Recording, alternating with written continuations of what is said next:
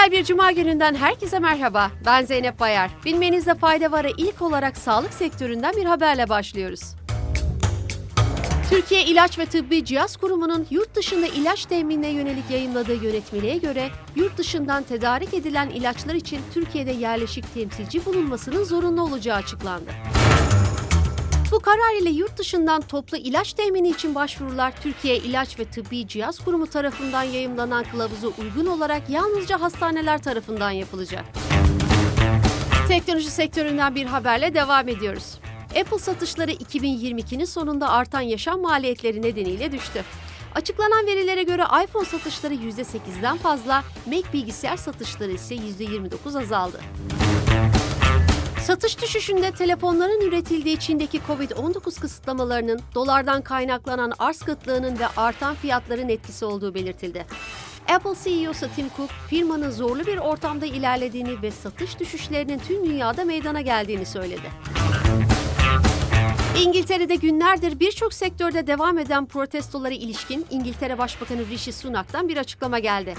Görevinde 100 günü geride bırakan Sunak, maaş artışı talebiyle greve giden hemşirelere zam yapamayacağını söyledi. Sunak hemşirelere muazzam bir maaş artışı yapmayı çok istediğini ancak paranın sağlık hizmetinin diğer alanlarına verilmesi gerektiğini açıkladı. Başbakan ayrıca enflasyonu kontrol altına almak için sabit kalmanın doğru olduğunu yineleyerek yüksek maaş anlaşmalarının hayatı herkes için zorlaştırdığını belirtti.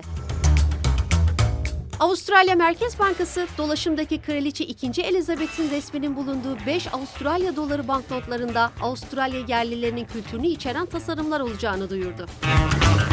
Kraliçe 2. Elizabeth'in 8 Eylül'de yaşamını yitirmesinin ardından İngiltere'ye bağlı ülkelerin banknotlarındaki Kraliçe Elizabeth'in resmi Kral 3. Charles'ın resmiyle değiştirilmesi bekleniyordu.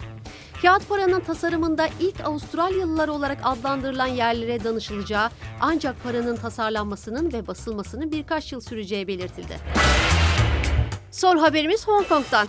Pandemi öncesinde bir yılda 56 milyon ziyaretçisi olan Hong Kong'un 2022'de ziyaretçi sayısını 100 bine kadar gerilemesi sebebiyle Hong Kong hükümeti 500 bin ücretsiz uçak bileti vermeyi planladığını duyurdu.